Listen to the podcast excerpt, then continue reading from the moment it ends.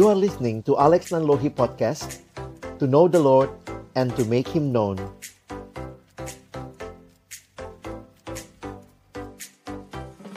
Nah, karena itu kita sambut dua abang kita. Yang pertama ada Bang Anton dan yang kedua ada Bang Muan. Halo, selamat malam. Halo, malam. Halo, malam Anton. Bang Alex, sore Bang Anton. Malam Ray.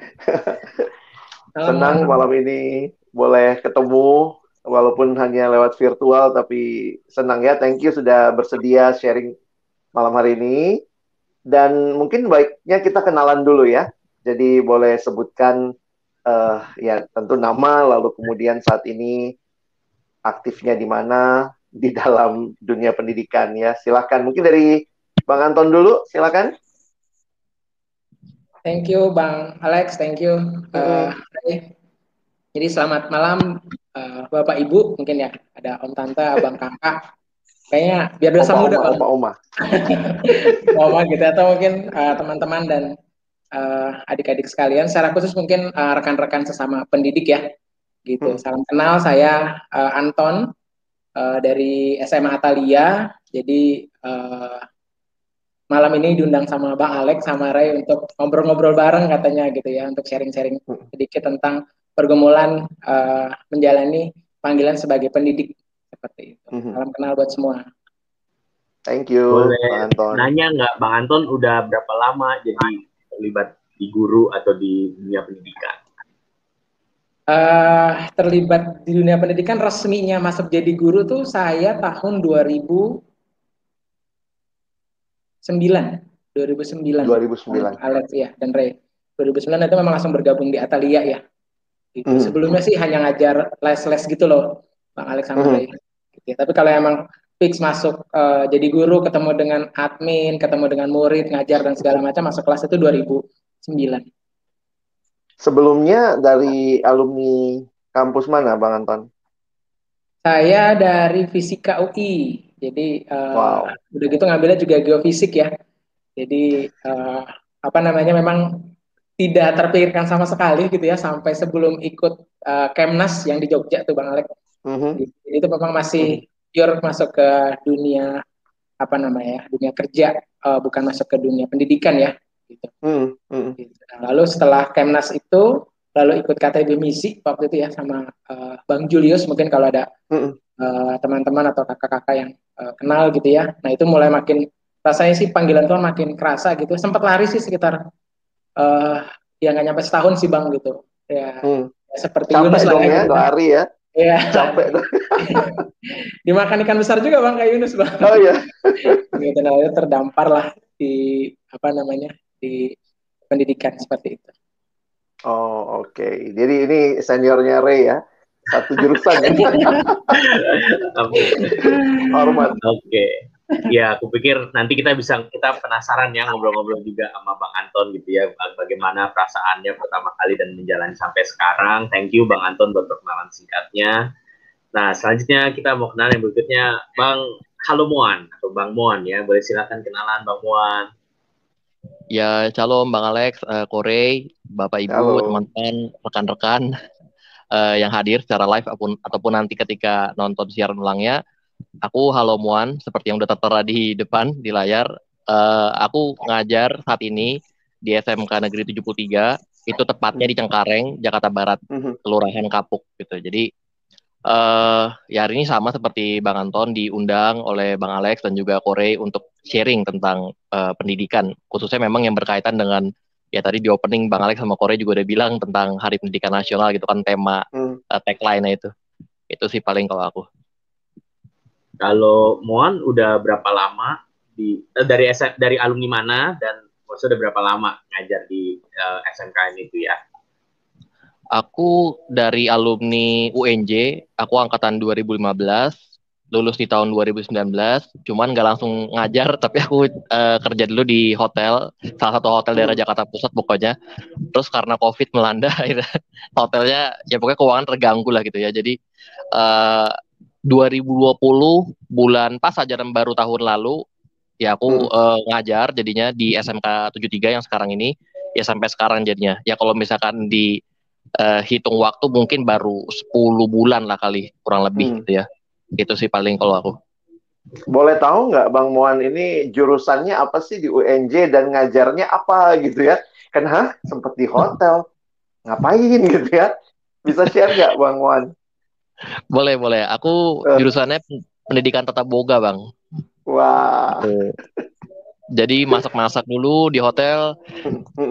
Ada covid, ya udah akhirnya masak-masaknya jadi ngajar aja lah gitu jadinya. Jadi kalau yang SMKN uh, 73 ini berarti uh, sekolah uh, kejuruan untuk tata boga kah? Uh, lebih tepatnya pariwisata bang. Jadi ada boga, oh, okay. ada perhotelan gitu-gitu pokoknya. Oh oke, okay. wah ini luar biasa ya. Kita tunggu dimasakin apa nih? bisa bisa nitip ya. Enak banget siswanya nitip gurunya ya. Oke. Okay, Kadang-kadang saya kalau kebayang ini ya, kalau kebayang wali kelas gitu ya, Moan wali kelas, uh, Bang Anton, uh, kepala sekolah, rasanya pengen dihukum gitu. Oke, okay, terima kasih buat kenalan singkatnya, Bang Wan. Kita nanti ngobrol-ngobrol lagi gitu ya. Nah, uh, mungkin aku mulai kali ya dengan maksudnya uh, ya mungkin cerita pengalaman juga gitu ya di tengah refleksi Hari Pendidikan Nasional gitu. Bang Anton dan Bang Muan sendiri melihat apa yang menjadi uh, tantangan atau mungkin saat ini secara pribadi di tengah pandemi gitu ada ada update apa gitu ya tentang pendidikan yang mesti kita semakin aware dari pengalaman abang abang ini gitu ya? Apa ada ada hal-hal apa gitu perenungan secara pribadi di dengan tagline serentak wujudkan merdeka belajar tuh apa sih yang uh, menjadi refleksinya? Kayak gitu. Mungkin kita awalin dari situ kali ya. Mungkin boleh Bang Anton duluan kali Bang, boleh sharing gimana pengalaman dan refleksinya. Silahkan Bang. Iya, thank you, uh, Are ya. Jadi memang uh, Hari Pendidikan itu kan tanggal 2 Mei ya, gitu. Hmm. 2 Mei lalu uh, pengumuman kelulusan SMA itu tanggal 3 Mei, Bang Alex sama Are gitu ya. Jadi hmm momen-momen sebelum itu memang uh, lagi seru-seruan sama nilai gitu ya mengolah nilai dan segala macam dan ini tahun kedua uh, kita meluluskan apa namanya anak eh, anak-anak uh, apa namanya secara virtual lah gitu ya jadi nanti momen hmm. wisudanya juga secara virtual dan secara khusus angkatan yang ini tuh uh, berarti satu tahun kelas 12 tuh mereka virtual gitu full virtual gitu. Yang tahun lalu tuh masih apa namanya masih ada mereka semester satu sampai bulan Maret ya kalau nggak salah kita mulai datang pandemi itu kan ya. Hmm. itu masih masih belajar. Jadi bahkan udah selesai ujian sekolah juga gitu. Nah ketika masuk ke momen anak-anak satu tahun angkatan ini jadi memang pada saat pengumuman ke apa namanya kelulusan kelas 12 di hari uh, Senin itu jadi ya saya secara pribadi sih bersyukur gitu ya karena uh, akhirnya di tengah segala dinamika keseruan yang ada gitu ya kesukaran yang ada pada masanya mereka mereka bisa selesai gitu. Pasti nggak mudah gitu ya buat anak-anak SMA yang harusnya bisa bergaul sana sini gitu ya ketawa ketiwi jungkir balik sana sini gitu. Bahkan waktu itu lagi lagi masa-masa uh, tiga bulan ya tiga bulan pandemi itu uh, mereka bikin apa namanya beberapa film short movie gitu terkait kegiatan akhir pembelajaran. Terus mereka bilang harusnya jam segini tuh saya lagi bercanda nih sama teman-teman saya di kantin. Gitu jam segini saya lagi apa namanya ketawa ketiwi jam segini saya lagi bisa apa namanya uh, bercanda sama bapak ibu guru entah di koridor atau di tangga gitu di kantin dan segala macam. Dan sekarang depan belakang kiri kanan uh, tembok kamar gitu ya.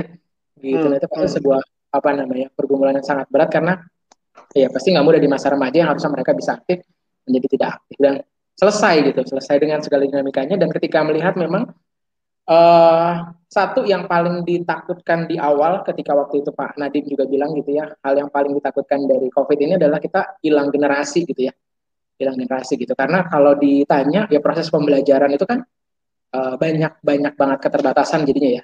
Jadi bisa belajar di kelas, uh, di luar kelas berinteraksi langsung sama bapak guru dan belajar itu kan ada ikatan emosional ya yang yang nggak bisa digantikan dengan pembelajaran jarak jauh virtual seperti ini gitu. Ketika uh, mata ketemu mata, kita sebagai guru kita tahu bahwa anak ngerti nih gitu, ini nggak ngerti. Nah, sekarang bisa ada gangguan sinyal atau anak juga apa namanya uh, off cam atau ada masalah di hardware dan segala macam. Jadi transfer knowledge-nya juga uh, berkurang gitu secara konten materi yang disampaikan ke guru-guru belum lagi keterbatasan teknologi yang teknologi yang ada gitu nah lalu ketika pengumuman lulus itu saya cuma bilang uh, sama Tuhan Tuhan terima kasih. Uh, mereka uh, selesai gitu ya karena saya tahu juga paling nggak ada uh, tiga anak gitu yang cukup struggling gitu bang gitu. Bahkan sempat uh, berpikir hmm. untuk ya udah kalau nggak lulus juga nggak apa-apa gitu. Kalau nggak selesai hmm. dan sayang banget gitu bang udah di terakhir gitu ya. Iya. dan uh, nggak nggak mau diselesaikan gitu. Kenapa? Karena udah jenuh sedemikian rupa. Nah itu yang yang kayaknya uh, paling paling paling serem ya gitu ya. Apa namanya uh, pengalaman mereka ya. Tapi satu hal saya percaya sih Tuhan Tuhan punya uh, maksud pasti ya di balik semua ini yang mungkin sekarang uh, kita belum ngerti kita belum belum tahu itu buat apa tapi uh, pasti Tuhan punya rencana dan ya akhirnya ketika lulus ya waktu itu doa cuma dia Tuhan kami serahkan angkatan ini kepada Tuhan. Wisuda sih hari Sabtu nanti nih bang di tanggal Sabtu nanti. Hmm. oh, gitu. Jadi kita doain online juga berarti ya? Iya virtual juga bang.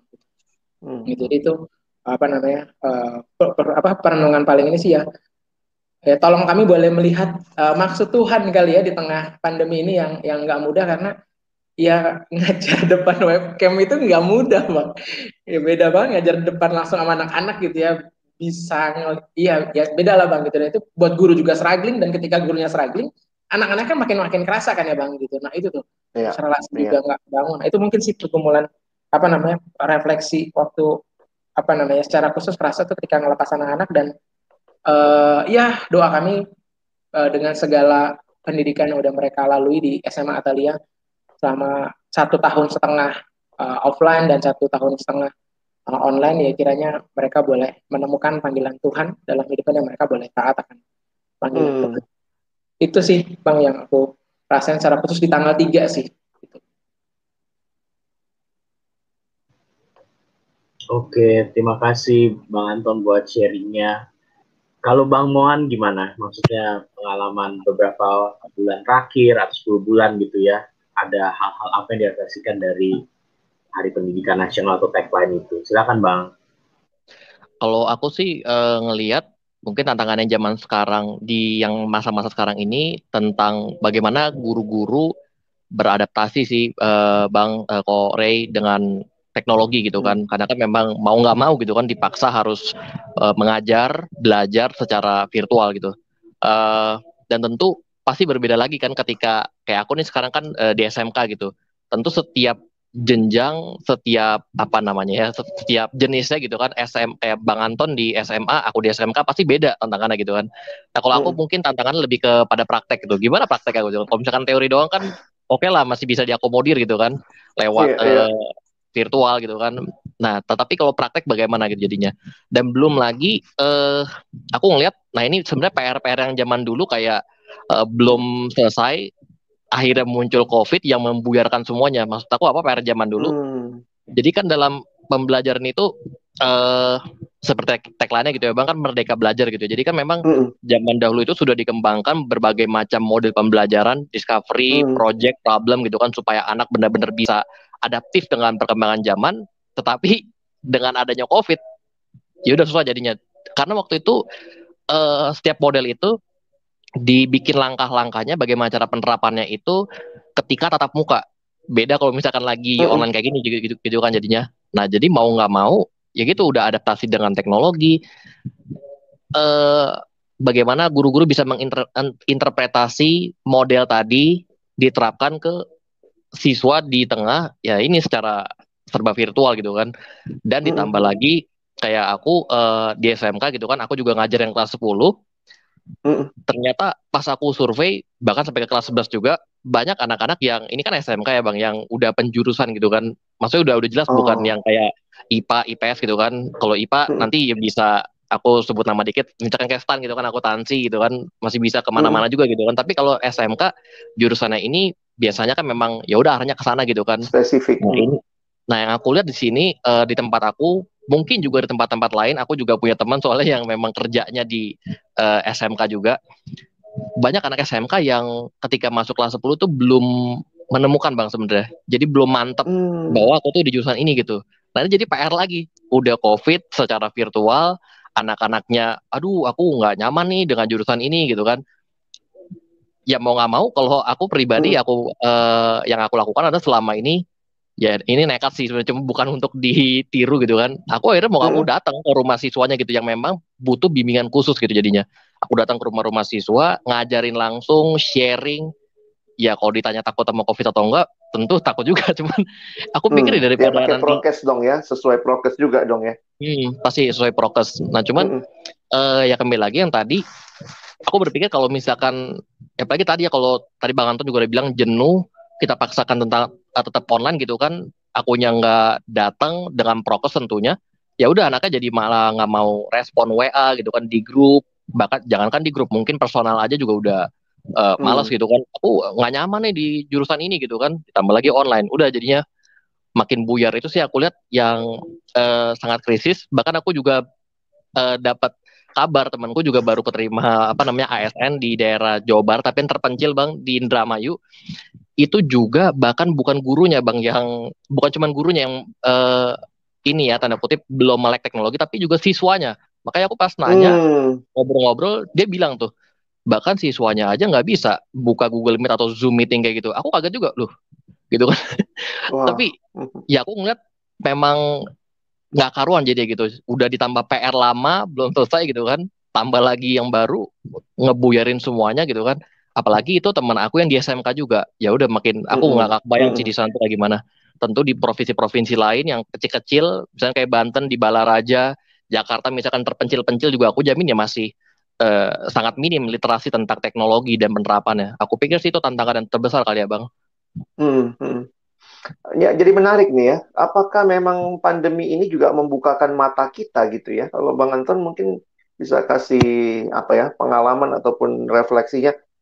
Sebenarnya jadinya siapa sih yang tanggung jawab terhadap pendidikan gitu ya? Apakah memang akhirnya bicara guru, institusi sekolah gitu ya?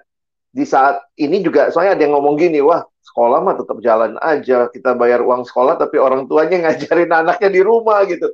Gimana tuh maksudnya me- meresponi dan melihat dan apa sih yang situasi ini juga mungkin reveal buat kita ya, membukakan buat kita. Ba- Bang Anton gimana? Iya, kalau bicara tentang pendidikan eh, seseorang gitu kan ada tiga Mm-mm. pihak ya yang yang boleh dibilang bertanggung jawab langsung eh, buat orang itu ya. Yang pertama pasti orang tua gitu ya. Nah, pendidikan eh, karakter, pendidikan spiritualitas gitu ya itu dari orang tua gitu. Lalu yang kedua masuk ke sekolah, lalu yang pihak yang ketiga yang punya andil eh, besar juga ya gereja gitu ya. Jadi ada eh, bicara tentang orang tua, bicara tentang eh, sekolah, bicara tentang gereja gitu. Nah, eh, kalau dilihat eh, di satu sisi COVID ini ya blessing in disguise lah ya. Jadi eh, dengan adanya COVID itu di awal-awal tuh terlihat sekali bagaimana boleh dibilang ya dalam tanda kutip mungkin eh, tidak baiknya gitu ya eh, relasi antara papa mama dan anak-anak gitu. Hmm. Karena biasanya mungkin ya mungkin mungkin menjadikan kerjaan, menjadikan sekolah untuk tidak berinteraksi gitu. Nah sekarang semua harus di rumah kan gitu kan. Yang satu WFH, yang satu belajar dari rumah gitu kan. Ketemu lo lagi lo lagi lah gitu di rumah gitu. Nah itu akan kelihatan tuh kalau yang relasinya baik ya akan akan jalan jadi baik gitu ya. Ketika relasi jadi nggak baik Hmm. kan jadi makin kelihatan ya gitu. Nah cuma satu sisi itu saya pikir itu momen juga mungkinnya jangan-jangan Tuhan izinkan terjadi untuk memulihkan relasi anak sama papa, anak sama mama, suami istri dan segala macam gitu. Sehingga akhirnya pola pendidikannya ya balik lagi nih memang nggak bisa semuanya diserahkan ke sekolah gitu. Tetap ada tanggung jawab orang tua gitu terkait terkait pendidikan gitu ya. Nah yang kedua adalah ya terkait sekolah. Nah sekolah ini lumayan lumayan banyak spektrumnya kali gitu ya karena sekolah itu nggak berdiri sendiri. Sekolah itu ada di bawah satu naungan misalnya ke Kementerian Pendidikan atau kalau dari Pemda bicara tentang dinas pendidikan gitu ya. Nah ini ini ada banyak hal lagi gitu ya. misalnya bicara tentang sistem pendidikannya gitu terkait kebijakannya yang apa namanya mana ranahnya pemerintah pusat mana ranahnya pemerintah daerah itu juga kan kalau dilihat tuh kadang ada ada apa namanya ada batasan dan tumpang tindihnya tuh Hmm, seperti tumpang apa. Hmm. Ah. gitu lalu bicara tentang kurikulum juga yang ya mungkin misalnya kita udah udah masuk ke kurikulum 2013 ya nah itu seberapa tuh implementasi kurikulum 2013 sudah seluruh Indonesia nah nanti takutnya gitu kan waktu kurikulum 2006 aja belum fasih kita ngejalanin terus tiba-tiba keluar kurikulum 2013 itu seperti apa gitu nah itu yang yang banyak kebijakan-kebijakan yang sebenarnya eh, walaupun saya percaya sih pasti kita tuh kayak nggak kekurangan orang pinter kan ya eh, Bang Alex sama Mohan hmm. gitu ya kayak banyak profesor-profesor pendidikan gitu yang memikirkan dengan detail arah pendidikan bangsa ini mau ke mana tapi memang masih banyak hal yang yang kayaknya perlu diperbaiki gitu nah saya bersyukur uh, ya masuknya Pak Nadiem sih saya secara pribadi cukup banyak bersyukur ya karena salah satu hmm. orang uh, teknis ya orang lapangan yang memikirnya juga integratif gitu ya uh, mikirnya juga taktis gitu uh, dan dan dia bikin beberapa langkah kebijakan yang luar biasa bagus gitu. Dan ya waktu itu saya sempat uh, berpikir gini untung Pak Nadiem gitu ya. Saya nggak tahu sih kalau menteri yang lain uh, udah bikin beberapa kebijakan mau baru mau jalan gitu kan dihajar pandemi kan ya bang? Gitu kan. Nah cuma iya, kalau itu masih itu masih masih bisa banyak berjalan walaupun dengan dengan segala dinamikanya gitu ya. Uh, apa namanya misalnya bicara tentang merdeka belajar gitu itu itu sendiri tuh uh, bikin dinamika loh di di satuan pendidikan gitu di sekolah atau di kampus gitu karena uh, nah ini juga saya masih masih coba cari tahu ya itu ini akar masalah dari mana? Kita tuh terbiasa dengan yang namanya penyeragaman kan ya gitu. Nah jadi ketika dikeluarin hmm. konsep merdeka belajar tuh kegok loh gitu. Jadi nggak pede gitu ya. Ini bener gak ya gitu? Ini salah nggak? Karena terbiasa diseragamkan mungkin ya gitu. Jadi jadi kegok juga gitu. Padahal memang pendidikan tuh harusnya kan ya eksplorasi sebanyak banyaknya belajar sebanyak banyaknya baru ya kejar sesuai dengan passion kamu kejar sesuai dengan dengan panggilan kamu gitu. Tapi ketika dibuka kayak gini itu juga ada banyak dinamika. Nah, itu uh, dari sekolah gitu belum kualitas SDM-nya ya. Nah kualitas SDM-nya pernah diskusi lumayan panjang gitu sama satu orang uh, waktu itu berdua gitu dan beberapa orang gitu ya uh, beberapa kali. Kenapa sih kualitas uh, SDM uh, kita tuh nggak nggak nggak apa namanya nggak baik ya? Nah ini nggak tahu juga sih benang kusutnya di mana gitu ya. Uh. Sering kali kita kalau bicara tentang kualitas SDM kan pasti kita bilang kualitas guru gitu ya. Kualitas guru atau kualitas uh, pengajar lah gitu. Nah kenapa kualitas pengajar jelek?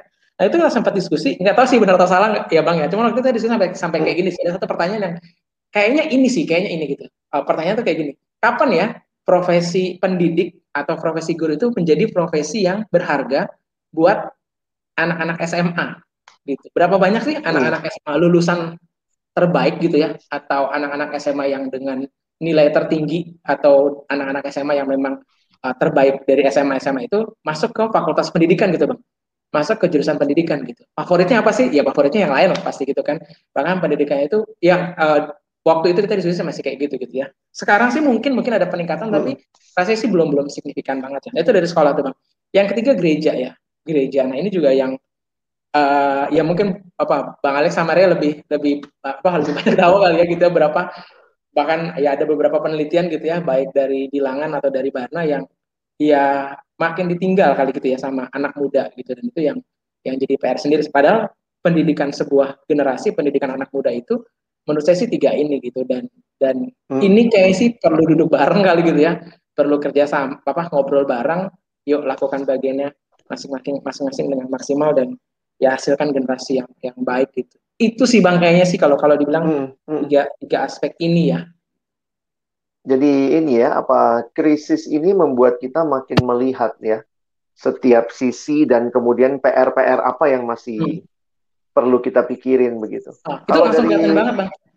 Langsung ya. Oh, langsung kelihatan Dan dari, termasuk dari kalau bicara gereja juga, gereja juga iya. kebingungan ya menjalankan katekisasi, menjalankan persekutuan remaja, dan sekali lagi orang tua tuh taunya selama ini pendidikan ke sekolah, spiritualitas ke gereja. Jadi kayaknya orang tua sudah sukon semua ya. Bahkan Mungkin, ketika bicara apa pendidikan Kristen kan dibilangnya misalnya sekolah Kristen bikin chapel ya bang. Nah, waktu ya. itu tuh ada satu pembicara dari uh, saat gitu ya bilang hmm. ternyata salah satu anak muda nggak mau ke gereja tuh ada penelitian yang bilang tuh uh, apa namanya? Justru karena karena karena chapel di sekolah Kristen, Bang. Eh, Bang Arik bukan yang bilang aku lupa ya. Jadi ada ada oh, bukan ya, Bang. aku nyentil sedikit, nyentil sedikit oh, situ. Iya. Iya tuh, dan, dan, dan itu aku shock loh bang pas bilang kayak gitu, hah? Jadi chapel yang aku bikin di sekolah tuh bikin anak muda nggak, bikin anak-anak saya nggak mau ke gereja mateng dah aku Mungkin secara tidak langsung ya bahwa uh, bukan tidak mau, tetapi tanda kutip mungkin merasa muak dengan hmm. ibadah. Karena ibadah dibuat, dikondisikan, diwajibkan, terus nanti minggu begitu lagi ketemu, dan itu semua jadi Ya, tapi itu itu ini ya. Thank you Bang Anton untuk ini ya. Mungkin Bang Muan ingin menambahkan dengan pengalaman tentu di sekolah yang berbeda, apalagi yang kelihatan dengan krisis ini yang Bang Muan lihat. Kalau aku sih lihat ya kalau dari yang Bang Anton tadi bilang, tentu di tengah krisis ini bagaimana akhirnya anak bisa tetap mendapatkan bobot materi, kualitas materi yang tetap terjaga adalah ya kembali lagi bahwa dengan adanya pandemi justru uh, orang tua atau keluarga lah disadarkan bahwa pendidikan yang terutama dan pertama justru ya di keluarga gitu. Kalau ibaratnya kalau kayak ada kebutuhan primer, sekunder, tersier, justru sekolah itu kayak aku pikir mungkin sekundernya lah gitu. Tersiernya mungkin kayak kursus, bimbel, gitu-gitu pokoknya. Nah, jadi cuman masalahnya uh, kalau kayak aku di kalau di swasta yang mungkin uh, kelas atas gitu ya bang, aku pikir nggak ada problem dengan nggak begitu mayor lah problemnya gitu kan karena memang orang tuanya rata-rata uh, S1 bahkan tamatan S2 gitu kan. Tetapi bagaimana oh. kayak yang sekolah-sekolah ya aku bisa bilang notabene-nya sekolah negeri yang memang orang tuanya ya tamat SMP gitu kan, tamat SMA, tamat SD gitu kan. Jadi mereka pun juga bergumul gimana cara ngajarin anak sedangkan ya saya aja nggak lulus S1 eh bukan nggak lulus maksudnya nggak sampai S1 gitu kan kayak kalau gurunya oke okay lah bisa gitu kan karena memang guru ya minimal memang S1 gitu kan jadinya ya. tapi aku pikir itu memang harusnya ada program yang aku lihat yang dibuat oleh dinas pendidikan terintegrasi dengan dinas sosial untuk akhirnya memperbaiki generasi uh, berikut berikut dan berikutnya. Sehingga nanti kalau ya kita kan nggak tahu namanya dunia gitu kan uh, berubah-berubah ada aja covid lagi ada aja nanti virus apa lagi gitu kan. Tentu aku pikir ya kita harus perbaiki bukan hanya pendidikannya tetapi juga Mm-mm. tentang keuangan keluarga. Dalam arti bagaimana setiap anak punya kesempatan untuk bisa sekolah setinggi tingginya tentu kita benar-benar menyaring. Nggak bisa salah-salah langsung oh yo masuk masuk gitu kan digratisin. Tapi anak-anaknya misalkan malas-malasan gitu kan. Tentu harus disaring juga sih dikasih motivasi dikasih dorongan. Kenapa sih harus sekolah tinggi-tinggi gitu kan? Kenapa sih harus punya pendidikan gitu? Bukan hanya sekedar menu-menuhin otak dengan berbagai macam materi kreativitas tetapi itu membentuk me membentuk mental pikiran dan akhirnya mengerti nanti ke depan ketika aku berkeluarga punya uh, ya anak segala macamnya itu aku bisa mendidik mereka membantu peran guru di sekolah. Jadi nggak lagi ya udah aku kan tugasnya di rumah nyiapin nyiapin rumah. Misalkan kalau yang ibu-ibu masak yang laki-laki uh, kerja cari uang gitu kan anaknya udah sekolah gitu kan. Nanti kalau misalkan anaknya nggak apa namanya nggak pinter hmm. atau mungkin nggak ada pertumbuhan yang disalahin sekolah jadi gitu kan. Aku pikirnya itu yang yang hmm. aku kasihan banget lah kalau nggak sekolah-sekolah bang jadinya. Disalahin lah wali kelas apalagi aku wali kelas gitu kan. Disalahin lah guru-guru lainnya. Udah, udah jadi musuh anak-anak, musuh orang tua juga lagi. Kalau nggak benar. Makanya itu yang sebenarnya aku sih berharap uh, tanda kutip tadi melek teknologi oke, okay, tetapi melek juga tentang esensi dari pendidikan itu sendiri sih bang. Dan oh, ya okay. mungkin kalau misalkan memang nggak mengerti uh, orang tua orang tuanya, sekolah bisa mengadakan acara parenting misalnya. Tapi tentu hmm. diarahkan tentang pendidikan itu sejauh mana sih hmm. atau apa aja sih peran orang tua, peran keluarga di dalam pendidikan, apalagi khususnya di tengah uh, COVID atau bahkan di eh, masa-masa uh, yang mendatang yang nggak menentu gitu yang bisa berubah-berubah. Aku pikir sih di situ sih bang. Oke okay, oke, okay. thank you. Ini gimana nih bang Ray yang pernah berpikir jadi pendidik katanya? Aku secara pribadi bersyukur sih dengar sharing bang Anton dan uh, bang Muan ya. Masa ya kadang-kadang jujur aja gitu. Banyak guru ya cuma mikirin aduh susah bikin apa tuh rencana ngajar uh, gitu ya adminnya menilai gitu. Tapi ngedenger sharing bang Anton dan bang Muan aku ngeliat mereka adalah orang-orang yang, yang emang peduli gitu ya. Bukan cuma get jobs done gitu ya cuma yang penting gue udah ngajarin lu nggak ngerti ntar gue uji. Maksudnya bukan cuma begitu tapi bener-bener memperhatikan dan bener-bener memikirkan kayak gitu. Uh, aku mungkin jadi penasaran gitu ya. Ini mungkin um, masuk ke topik berikutnya. Sebagai orang yang um, udah di, di berkecimpung di dunia pendidikan gitu ya. Dari Bang Anton dan Bang Moan, uh, kalau misalnya ada mahasiswa atau ada mungkin teman-teman kita yang yang kepikir gitu ya, pengen jadi guru, pasti kan Bang Anton, Bang Moan juga punya pengalamannya gitu ya, berpikir atau kayaknya pengen atau apa apa sih yang mesti diperhatikan gitu? Atau apa yang mesti semakin diperhatikan gitu ya? Mungkin kalau panggilan Tuhan oke okay lah itu mungkin eh, di kalangan kita itu udah menjadi keyakinan gitu ya. Tapi dari pengalaman atau dari refleksi Bang Anton dan Bang Wan apa yang perlu dipersiapkan gitu apa yang perlu semakin dimiliki? Baik mungkin dari sisi karakter atau dari sisi ketampilan atau apa pun itu gitu ya buat teman-teman yang mungkin sedang menggumulkan atau mendoakan terbeban di dunia pendidikan kayak gitu mungkin mulai dari bang Anton lagi dulu boleh silakan bang Ini nggak ada rencana nggak ada rencana gantian ya mohon dulu ya. Nggak. Oke, eh, ya yang pasti yang pertama adalah eh oh ya, ya pertanyaan-pertanyaan yang paling sering saya ajukan ketika ada apa namanya yang apa namanya pendaftar gitu ya pengen jadi guru pasti kenapa mau jadi guru gitu. Nah itu pertanyaan paling standar lah ya eh, yang paling sering ditanyakan gitu. Nah kenapa nanya kayak gitu karena memang eh, latar belakang atau kerinduan kita jadi guru itu itu yang akan mendrive kita sampai mana gitu. Itu akan mendrive kita melakukan apa ketika kita masuk ke dalam dunia pendidikan gitu ya. Yang pasti uh, bukan aku nakutin gitu, cuman memang challenging sekali gitu ya, sangat sangat apa, sangat menantang ya masuk ke dalam dunia pendidikan yang dari murid dan dari orang tua tuntutan pertama adalah kita harus menguasai subjek yang kita ajarkan gitu ya terkait subjek yang kita ajarkan. Jadi itu pasti menuntut sekali uh, apa namanya kita menjadi pribadi yang memang mau terus belajar gitu ya nggak nggak apa namanya nggak puas dengan pengetahuan yang udah kita punya yeah. ya tapi terus mau belajar dengan update-update baru sehingga pengajaran kita tetap kontekstual gitu ya. Bukan pengajaran yang uh, masa lalu gitu tapi pengajaran yang memperlakukan mereka saat ini dan ke depannya mereka jadi apa gitu. Nah, itu penguasaan tentang materi pembelajarannya gitu nah yang kedua adalah terkait dengan pedagoginya ya. Jadi bagaimana cara menyampaikan apa tanda kutip isi kepala kita gitu ke anak-anak gitu. Karena kita banyak tahu tapi cara nyampeinnya nggak bisa juga jadi nggak seru gitu jadi ah, bapak ngomong apa sih pak? Gitu. Ibu ngomong apa sih bu? Gitu. Nah itu tuh yang perlu di, di apa namanya di, di apa namanya di, dilihat. Nah nah ini terlihat sekali memang dengan orang-orang yang uh, udah punya apa panggilan dengan jelas gitu ya. Ya saya mau jadi guru nih. Jadi ketika dia ketemu dengan halang rintang terkait uh, ngajar anak yang uh, kinestetik gimana ya, ngajar anak yang audiovisual gimana ya, ngajar anak yang uh, spasial tuh kayak gimana. Padahal dengan topik yang sama gitu. Nah itu tuh yang yang hmm. jadi tersendiri gitu ya. Uh, karena kan ya kita nggak satu lawan satu kan ngajarnya gitu ya. Ya di sekolah saya itu satu lawan 26 lah satu guru ngajar 26 anak. Bahkan di beberapa sekolah kan ada yang 32, ada yang 40 gitu ya. Walaupun ada beberapa sekolah juga yang yang 20-an gitu ya. Nah, itu yang dan itu beragam tuh gitu. Nah, gimana cara kita menyampaikan apa yang kita tahu nih baik bagus buat anak-anak masuk ke mereka gitu. Itu mulai dengan konteks. Jadi tolong mereka melihat bahwa ini tuh sesuatu yang penting buat mereka gitu. Karena kan anak-anak nanya ngapain sih misalnya kayak fisika gitu ya. Pak ngapain Pak kecepatan mobil jalan dihitung gitu. Saya mah kalau bawa mobil naik motor gas ya gas aja rem ya rem aja Pak. Saya nggak pernah itu gitu kan.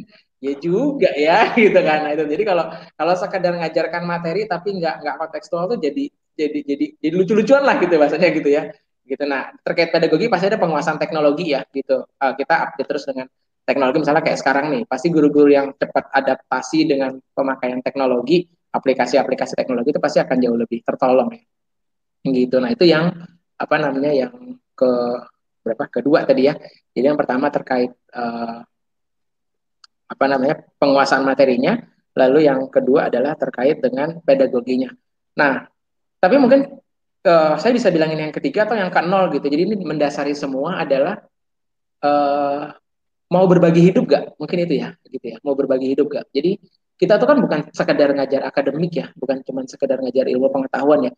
Tapi gimana hmm. menolong mereka lewat ilmu yang kita ajarkan atau hidup yang kita kasih lihat ke mereka.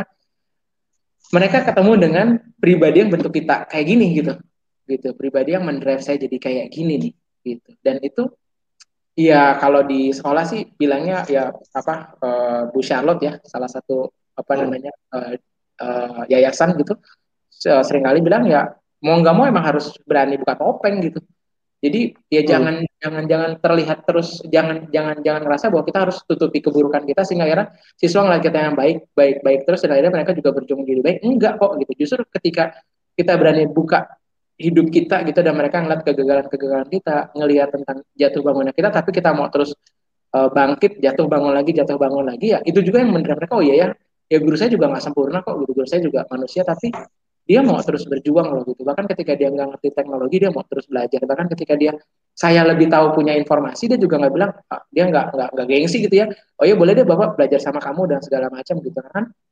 Sekarang mat, apa pengetahuan itu tuh udah udah di mana aja gitu ya uh, di internet tuh luas banget gitu dan dan ya apa namanya kebijakan tadi bilang ya guru nggak lagi sebagai satu-satunya sumber kan ya gitu guru hanya sebagai fasilitator salah satu sumber dan itu tuh yang benar-benar oh ya ya berani berbagi hidup sehingga akhirnya uh, mereka ngeliat hidup kita dan dan dan itu tuh yang yang yang aku sih nikmat itu di, di PMK ya bang ya gitu. Jadi uh, ketika uh, mau berbagi hidup dan kita terbuka sama mereka itu tuh menangin hatinya gitu. Dan ketika kita menangin hatinya itu ngajar jauh lebih indah lah gitu. Ngajar jauh lebih indah relasi kita sama mereka juga jauh Hmm. jauh lebih indah gitu. Dan dan setelah lulus pun ya relasi juga nggak nggak putus di situ gitu.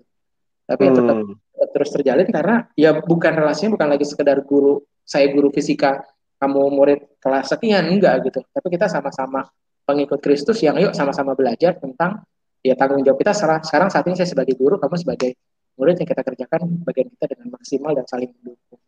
Itu sih ya. Nah itu nggak tahu itu ke nol apa ke tiga gitu ya. Tapi eh, apa namanya tentang berbagi hidup itu sih gitu. Kalau apa aku lupa sih bang ayatnya ya Markus Markus tiga kalau nggak salah yang bilang to be with him and to be with be- you. Jadi, eh, apa namanya bersama dengan Tuhan dan bersama dengan eh, murid apa dengan sesama gitu. Dan itu yang ya konteksnya kita sebagai guru dengan dengan murid gitu. Jadi nggak cuma misalnya terbatas dengan jam kantor ya jam ngajar sekian sampai sekian habis itu udah enggak gitu. Kadang ada ada panggilan-panggilan yang yang yang misalnya murid telepon malam-malam gitu atau murid kontak malam-malam dicuekin ya kayaknya enggak deh gitu kayaknya enggak. Kecuali misalnya ya eh, apa namanya nggak penting gitu atau misalnya kita juga udah bikin perjanjian sama mereka. Cuman kadang ketika malam mereka ada masalah ya alangkah indahnya kalau yang dicari kita kan gitu selain mungkin papa mamanya gitu ya yang dicari kita gitu tapi kita arahkan ke Tuhan ya paling sedihnya adalah kalau mereka cari ke orang lain yang belum tentu bisa ngedrive mereka bawa mereka kepada Tuhan Hmm. itu mungkin ya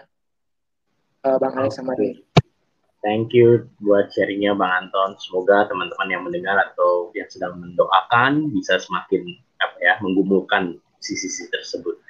Bang Muan mungkin boleh sharing dari pengalaman apalagi mungkin di sekolah SMK dengan latar belakang yang mungkin lebih eh, sus- susah kondisinya anak-anaknya dalam arti gitu ya. Maksudnya pasti punya challenge tersendiri gitu ya. Eh, apa yang Bang Muan mungkin bisa sharingkan buat teman-teman yang sedang mendoakan atau menggumulkan eh, menjadi pendidik atau guru kayak gitu.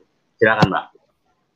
Kalau aku mungkin tadi eh, sama kayak yang Bang Anton bilang, yang pertama adalah eh, kenali dulu kali ya. Maksudnya apakah memang benar-benar terpanggil di dalam eh, dunia pendidikan gitu kan, entah mungkin di eh, guru atau mungkin di komponen-komponen lainnya yang berke yang lingkupnya tentang pendidikan.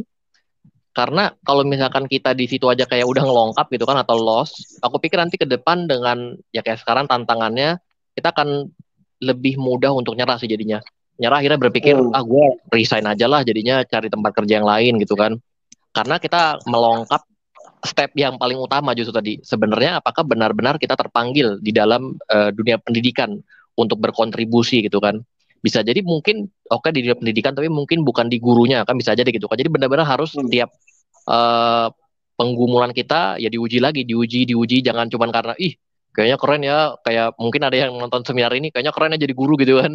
Tapi maksud aku jangan sampai sekedar keren-kerenan gitu loh. Maksudnya nanti akan jadi berat juga menjalannya gitu. Ini sekarang tantangannya tentang covid harus ngajar online. Aku nggak tahu eh, ke depan nanti apalah tantangannya gitu kan. Hmm. dan ditambah lagi tadi yang aku bilang eh, pertama memulai dengan apa kita benar-benar terpanggil gitu kan. Nah kenapa dari situ? Karena aku mengibaratkannya atau menganalogikannya mungkin seperti misalkan kayak orang nih bang si A misalkan dia suka sama eh, sepak bola gitu ya misalkan. Hmm. kalau udah dasarnya suka biasanya kan dia akan cari sendiri gitu kan. Maksudnya cara ngedribble bola yang bener gimana sih? Cara ya gaya-gaya gitu gitu kan yang kayak sepak bola profesional gitu. Sama seperti ketika kita udah menemukan panggilan kita akan otomatis kok itu mengalir Bela- belajar di YouTube dari Google segala macam udah banyak juga gitu kan gimana sih Hmm. penerapannya model pembelajaran ini gimana sih penerapan atau penghayatan tentang kompetensi pedagogi profesional kepribadian sosial dan sebagainya macamnya itu khususnya di masa pandemi dan masa-masa yang akan mendatang jadi kalau sudah dimulai dengan satu step yang matang aku terpanggil di bidang pendidikan dan aku benar-benar Hmm. menyukai itu itu akan ngalir dengan sendirinya. Kita akan membe- membekali dengan diri kita tanpa bahkan disuruh kepala sekolah atau mungkin komponen sekolah lainnya, eh ikut training, ikut pelatihan gitu kan. Kita bahkan Hmm. tanpa disuruh juga udah daftar gitu kan. Oh pak saya udah daftar, bu saya udah daftar nih gitu kan. Pelatihan yang lain mungkin gitu ya. Tapi masih Hmm. dalam kaitannya dengan pendidikan gitu. Pendidikan. Karena aku nggak bisa eh, nggak bisa bilang ya tadi Bang Anton juga udah bilang jadi pendidik uh, memang aku bukan aku nakutin memang benar-benar yang memang bukan yang enak gitu loh Hmm, gimana kalau misalkan ada murid yang aku pengalamanku gitu ya gimana kalau misalkan ada murid yang ngumpulin tugas jam setengah dua belas malam gitu kan? Kan nggak mungkin kita tolak gitu kan? Aku beberapa kali menerima kayak gitu loh jadinya.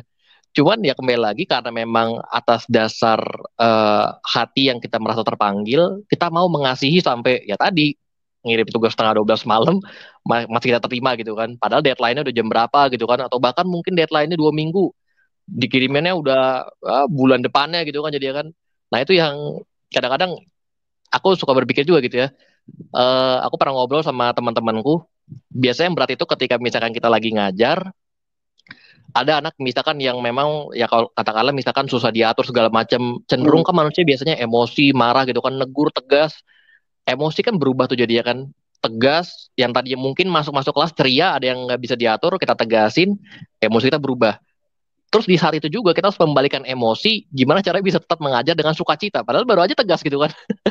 itu yang aku pikir jadi tantangan tersendiri jadinya. Main bukan main ekspresi ya, maksudnya gimana cara kita bisa benar-benar mengendalikan diri, menguasai hati pikiran. Jadi jangan sampai yang kebablasan sih ketika emosi. Itu yang aku pikir ya cobalah apa rasanya sih ketika kita ngajar tetapi kondisi hati kita nggak enak, pikiran kita tuh kayaknya, aduh, ini anak susah banget diatur gitu kan ini anak udah hmm. kayaknya minggu lalu dia ada yang bermasalah. Minggu ini dia lagi gitu. Ntar minggu depan dia lagi gitu jadi kan. Terus ketemu dia lagi di kelas selanjutnya kayaknya udah aduh dia lagi gitu kan jadi ya. Makanya aku pikir kembali lagi eh, jadi guru nggak yang sekeren yang dibayangkan gitu ya. Tetapi memang berat. Ya aku eh, bisa buka pahit-pahitan aja kalau misalkan ada yang mau mengabdi bahkan di luar. Maksudnya di luar-luar kota yang terpencil kayak tadi aku bilang. Aku pernah dapat kabar dari temanku juga bahkan ada guru yang uh, gajinya tiga ratus ribu per hmm. bulan, tetapi biasanya digajinya dikirimnya itu per tiga bulan. Itu pun kadang nggak cair bang. Makanya aku hmm. aku juga bingung ya. Kayak gitu gimana? Aku nggak kebayang sih ya. maksudnya dia. Ya hidupnya gitu kan tiga ratus ribu per bulan, cairnya per tiga bulan. Itu pun kadang-kadang nggak cair gitu.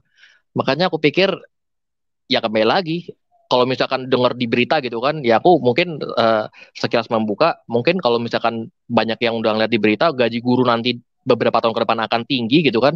Tapi jangan jangan mandang ke sana ya karena nanti ujung-ujungnya jadi money oriented gitu kan.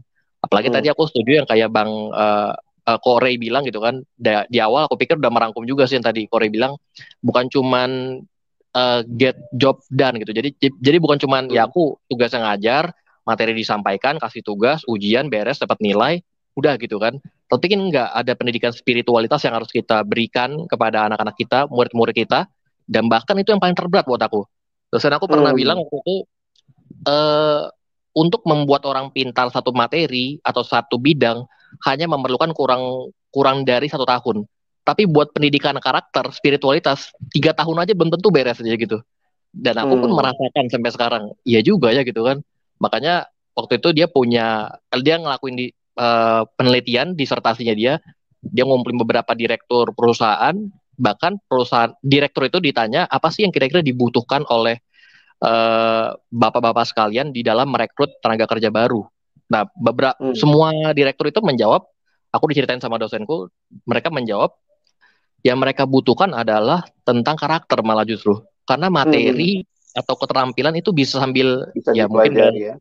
learning by doing jadi gitu kan. Tapi hmm. kalau karakternya udah dari awal udah nggak karuan, susah jadinya mau belajar apa pun jadi susah gitu kan, males lah hmm. gitu kan, atau menganggap remeh satu bidang, oh gue udah bisa lah, nggak usah lah gitu kan jadi kan. Padahal belum tentu yang kita bisa yang kita udah dapatkan dalam otak kita belum tentu sesuai dengan SOP-nya si perusahaan tersebut atau perusahaan-perusahaan lainnya. Hmm. hmm. Aku pikir sangat banyak yang harus digumulkan sih ketika kita ingin benar-benar berkecimpung di dalam dunia pendidikan sih. Itu sih kalau aku Bang Alex dan Korey dan Bang Anton. Hmm. Iya, jadi ini ya Rey, kita lihat uh, beberapa hal yang tadi disampaikan tuh nggak dipelajari di kuliah ya. Bukan karena ngambil ilmu pendik kependidikan gitu ya, tapi kalau bicara mau berbagi hidup, nah itu sekolah di mana ya? Sekolah di di di kerohanian gitu ya. Mau mau terus belajar tadi kan? Karena kalau beberapa orang kan banyak yang melihat uh, saya punya ilmu nih, saya ingin mengabdi. Padahal sebenarnya belajar itu juga, apalagi kalau kita sebagai pendidik ya, kita harus belajar seumur hidup juga supaya kita bisa mendidik orang juga belajar terus. Gitu. Nah itu kesimpulan yang saya nikmati tadi waktu dengar sharing kedua teman kita. Kalau Ray sendiri gimana?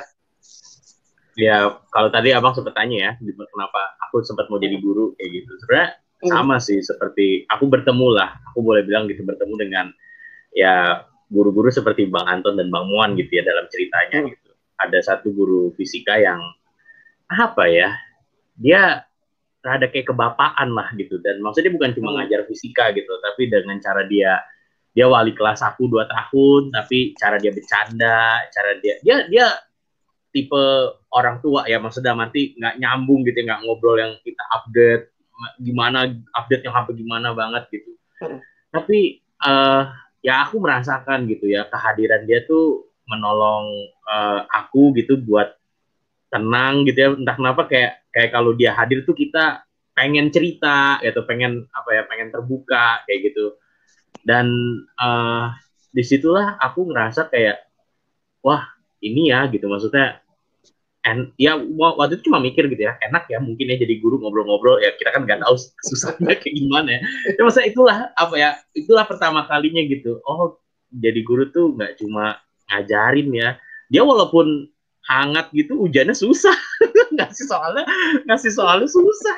Tapi apa ya maksudnya ya kami ngeliat dia bukan cuma jadi dan itu beda sekali sama dosen deh. Aku nggak tahu ya pengalaman abang yang lain deh tapi kuliah tuh jujur aja jarang lah dapetin yang kayak begitu ya. Maksudnya guru SMP SMA itu yang sangat signifikan. Ya TK SD lah ya aku bisa bilang. Tapi kalau dosen tuh rada beda lah gitu ya. Udah udah udah pusing lah mereka gitu. Udah nggak peduli mau lulus mau nggak itu terserah kamu. Tapi bagiku guru itu ya menarik lah gitu sangat sangat sangat menurutku sangat signifikan dalam pertumbuhan uh, setiap kita kayak gitu itu yeah. itu saya sharing tuh sih bang. Mm. Thank you Ray. Uh, ini jadi kesempatan buat kita juga bisa mendorong ya kalau tadi dengar Anton Bang Anton juga sampaikan berapa banyak sih orang-orang yang terbaik dengan ilmu nilai yang tertinggi juga mau untuk menjadi guru, mau untuk membagi hidup. Saya pikir ya ini challenge juga buat semua yang mendengar. Kalau memang Tuhan panggil ya, kayak Bang Mohan bilang ya, ayo uh, itu dilancarkanlah kemudian asal benar-benar juga yakin panggilan.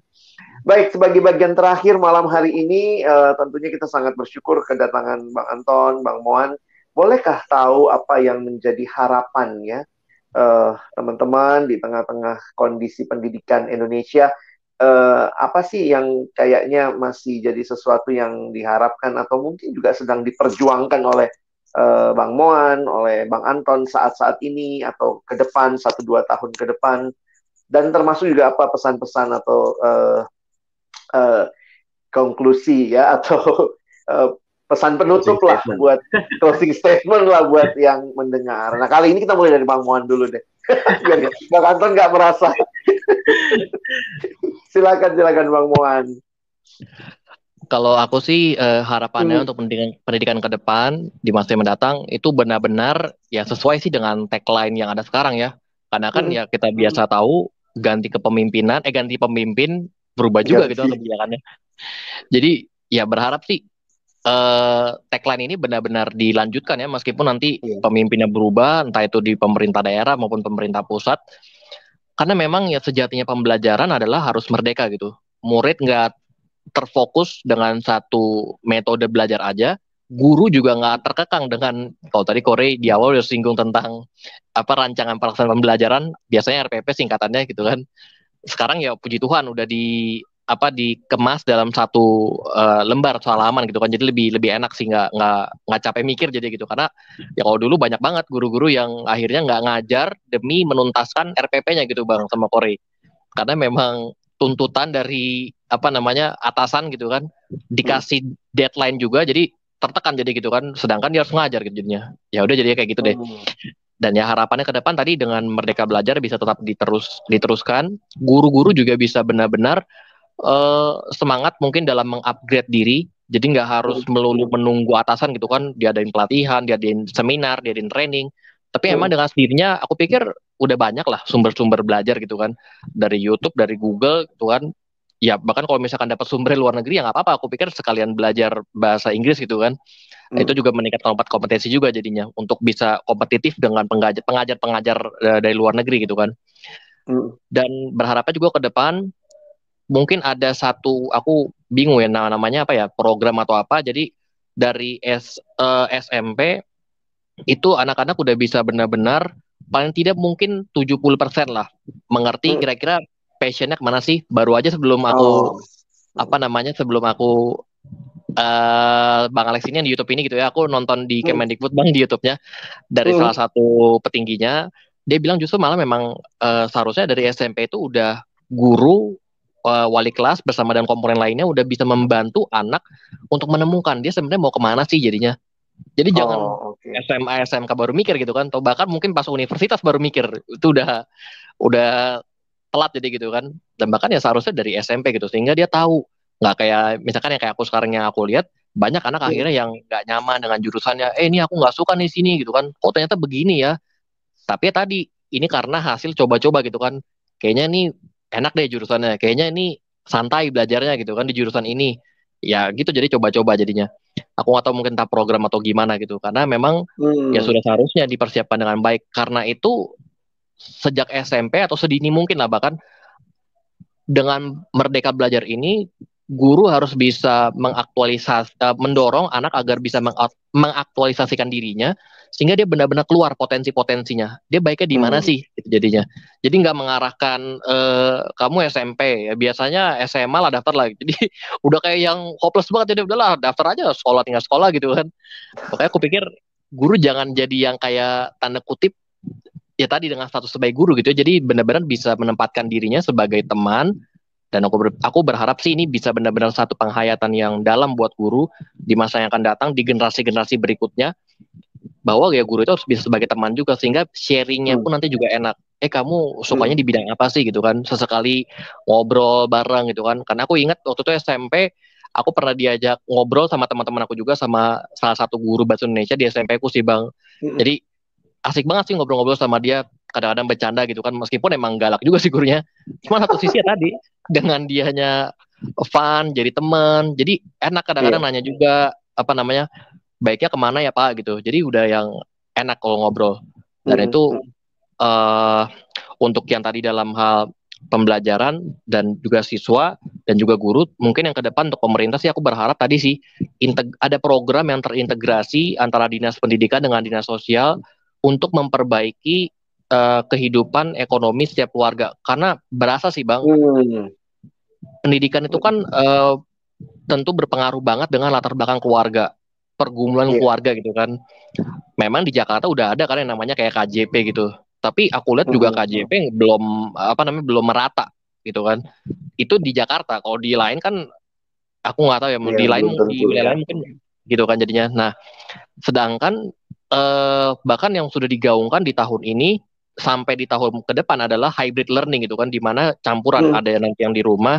Maksudnya ya di rumah berapa hari di rumah eh di sekolah berapa hari gitu kan nah ini bagaimana jadi kan otomatis peran orang tua memang harus tetap berjalan dalam uh, hmm. pendidikan anak mereka masing-masing gitu kan jadi. Hmm. aku pikir memang harus secepatnya dalam satu satu sampai dua tahun ini punya program yang jelas jadi berasa banget sih kalau misalkan orang tua mikirin pergumulan kehidupannya kebetulan sehari-hari gitu kan sedangkan harus mikirin anaknya ya itu nggak karuan lah jadi jadi kayak gitu hmm. bantu anak ngerjain tugas dan sebagainya itu sih paling kalau dari aku bang Alex dan Corey oke okay. Makasih bang Muan. Silakan bang Anton. Yeah akhirnya jadi penjawab kedua ya bang ya. Sekaligus yang menutup berarti ya. Ini jawaban terakhir. Silakan Ton Iya, uh, kalau harapan uh, besar sih ya makin banyak alumni apa namanya Kristen ya. Uh, baik ke siswa atau mahasiswa gitu ya makin peduli ya dengan pendidikan Indonesia gitu makin peduli dan uh, tapi nggak sebatas uh, peduli gitu tapi mau akhirnya uh, apa karena sing singkan lengan baju gitu ya dan hmm. terjun langsung gitu ya dan merubah wajah pendidikan Indonesia gitu walaupun tidak bisa langsung masuk sebagai uh, orang di lapangan langsung misalnya jadi guru gitu ya minimal ketika kita uh, menjadi orang tua gitu ya uh, ya kita juga punya konsep pendidikan buat anak-anak kita tuh seperti apa gitu. Uh, hmm. punya menerapkan proses pendidikan di rumah tuh seperti apa gitu. Jadi sebagai orang tua pun ya kita udah udah melakukan bagian kita kok sebagai seorang pendidik gitu ya. Gitu. Jadi menjadi mitra guru gitu ya untuk akhirnya mendidik anak-anak ini menjadi pribadi-pribadi yang takut akan Tuhan. Gitu. Jadi makin banyak alumni Kristen yang yang yang lihat gitu bahwa uh, akan ada generasi lain yang timbul yang kita tuh punya tanggung jawab untuk generasi itu gitu. Baik itu mungkin anak kita atau mungkin cucu kita gitu ya, kita kita bertanggung jawab dengan hal itu gitu. Atau misalnya kita langsung masuk ke bagian kita sebagai guru gitu ya. Nah, mungkin uh, perlu disampaikan ke teman-teman tidak seseram itu ya. Tadi ya kalau dicerita gitu kayak seram banget gitu atau susah banget jadi guru enggak gitu ya. Ada hal-hal tuh yang yang yang uh, uh, aku nggak tahu ya bapak-bapak ibu guru lain tuh gimana gitu ya. Uh, salah satu hal yang yang tidak akan pernah bisa tergantikan sama uang itu adalah ketika saya ngajar dan saya ngelihat anak-anak dapat aha moment gitu ya. Atau matanya itu hmm. bicara iya pak saya ngerti. Nah itu tuh wah kebahagiaannya tuh luar biasa ya. Itu tuh nggak ada yang ngalahin gitu. Jadi menolong mereka ketemu dengan aha moment. Kan itu beda ya mata anak-anak yang kita ajarin. beda. ngerti sama mata anak-anak yang kita kita nggak ngajarin itu beda. Dan dan itu tuh kepuasannya tuh beda gitu. Yeah. ketika ketemu yang kayak gitu tuh wah indah banget sih gitu ya. Terus ketika akhirnya mereka uh, apa namanya lulus terus dengar kabar mereka uh, dengan panggilan mereka dengan strugglingnya mereka gitu ya dengan hidupnya mereka itu juga sesuatu yang yang yang indah gitu untuk untuk kita bisa berbagi dan relasi guru sama murid itu kan nggak akan berhenti ya gitu ya. Ya sampai kapan pun mm, uh, itu sempat ada satu yang mengkritikan nggak ada tuh yang namanya mantan guru nggak ada tuh yang namanya mantan murid gitu. Ya terus jadi guru yeah. kamu gitu karena kan nggak nggak kalau mantan kan kesannya uh, berhenti gitu kan ya bang itu nggak ada sebenarnya mantan guru nggak ada sebenarnya mantan murid. Ini muridku dulu gitu waktu dia. SMA gitu. Ini guruku dulu waktu aku SMA bukan. Ini mantan guru saya gitu nggak ada gitu ya. Jadi nggak seseram itu ada banyak keindahan keseruan yang terjadi. Apalagi kita kita bisa membentuk pribadi gitu ya. Uh, uh, dari pribadi yang uh, seperti apa gitu ya yang yang mungkin belum kenal Tuhan nggak tahu tentang mana yang benar mana yang salah gitu. Bahkan apa kalau kayak ini Ninewe gitu membedakan tangan kiri dan kanan terus jadi pribadi yang cinta Tuhan takut akan Tuhan bahkan berubah gitu ya. Uh, apa namanya uh, itu tuh indah banget gitu. Dan uh. dan beberapa kali memang ya apa namanya nikmatin bagian itu gitu ya. Tapi memang Tuhan izinkan tuh kadang kejadiannya nggak langsung bang. Jadi makin meng menghayati kalimat ini loh bang. Jadi uh, cuman aku takut kebalik nih bang. Paulus menanam Apolos menyiram. Apolos menyiram. Iya, tapi Tuhan dikasih pertumbuhan gitu kan bang ya mungkin ketika kita lakukan bagian kita saat ini nggak kelihatan gitu buahnya. Kan kayak sebel banget nih pengen getok aja kepalanya gitu atau atau apa gitu kan. Tapi ya percayalah apa yang kita tabur atau kita kerjakan dengan sungguh-sungguh dalam Tuhan tuh nggak bakal sia-sia kok gitu. Dan dan ketika kita ngeliat buahnya tuh wah itu itu apa namanya sesuatu yang yang apa namanya indah banget sih. Apalagi kita misalnya dari reuni, reuni alumni gitu ya terus ngeliat wah keren banget ya Tuhan ngerubah hidup dia ya keren banget ya. Nggak nggak pernah kebayang dulu dia kayak wah itu tuh keindahan keindahan yang yang yang yang nggak punya gitu ya yang yang indah banget nggak bisa digantikan dengan uang. Bahwa setiap hmm. profesi itu pasti punya tantangan setiap profesi juga punya keindahan itu pasti masing-masing lagi. Jadi setiap guru eh, ketika kita jadi guru juga pasti ada bagian itu. Lalu mungkin buat teman-teman yang masuk di bagian pemerintahan gitu ya yang memang punya punya apa namanya punya bagian untuk menentukan arah kebijakan hmm, ya policy making ya ah policy making ya terus uh, apa namanya bertanya mungkin sama Tuhan ini kita mau ke mana? gitu ya. Arah pendidikan kita dan akhirnya uh, ya saya terus berdoa sih semoga apa namanya ya kontinuitas program pendidikan itu bisa terus berlangsung gitu. Nggak seperti yang tadi Mohon bilang ya ganti ganti ini ganti kebijakan dan segala macam. Tapi ya ya bukan bukan itu gitu. Tapi kita mau mau ngomongin tentang generasi generasi masa depan gitu. Saya nggak tahu nih bang Alex sama Ray udah lihat belum ya? Skinny 24 kan bikin video tentang DPR ya? Aku nggak tahu itu udah viral atau belum ya. Itu dia keren banget sih bikin bikin hmm. video tentang tentang DPR gitu ya video kayak musikal gitu ya saya lupa 20 menit atau 30 menit tuh keren banget sih itu benar-benar potret kali ya DPR DPR kita gitu ya dan mm -hmm. ya semoga ya makin banyak anak Tuhan yang di sana yang akhirnya peduli dengan dengan keberlangsungan bangsa ini ya seperti apa gitu. Hmm. Dan kalau secara pribadi sih ya buat saya saya yang penting punya eh, orang-orang yang saya uh, ajarkan adalah menjadi pribadi-pribadi yang takut akan Tuhan gitu. Mencintai Tuhan hmm. lebih dari apa pun dan membenci dosa lebih dari apa pun sih. Paling itu sih Bang harapan aku secara pribadi dan juga sebagai seorang pendidik. Wow, Terima kasih banyak untuk Bang Anton, untuk apa yang juga diharapkan tentunya juga akan diperjuangkan dan tadi juga ngajak kita ya, baik yang mungkin akan masuk di berbagai lini uh, berkaitan dengan pendidikan. Jadi teman-teman terima kasih banyak sekali lagi untuk Bang Anton, Bang Moan yang boleh share malam hari ini buat kita semua untuk yang ikut menonton. Terima kasih juga pasti dapat banyak berkat malam ini dan berharap ke depan juga teman-teman juga bisa share. Mungkin kalau pernah tahu ada teman yang punya beban kerinduan masuk bidang pendidikan, wah coba nonton ini gitu ya. Ada orang-orang yang Tuhan uh, izinkan juga untuk mendahului kita di dalam bidang ini bisa share video ini dan jadi berkat buat mereka.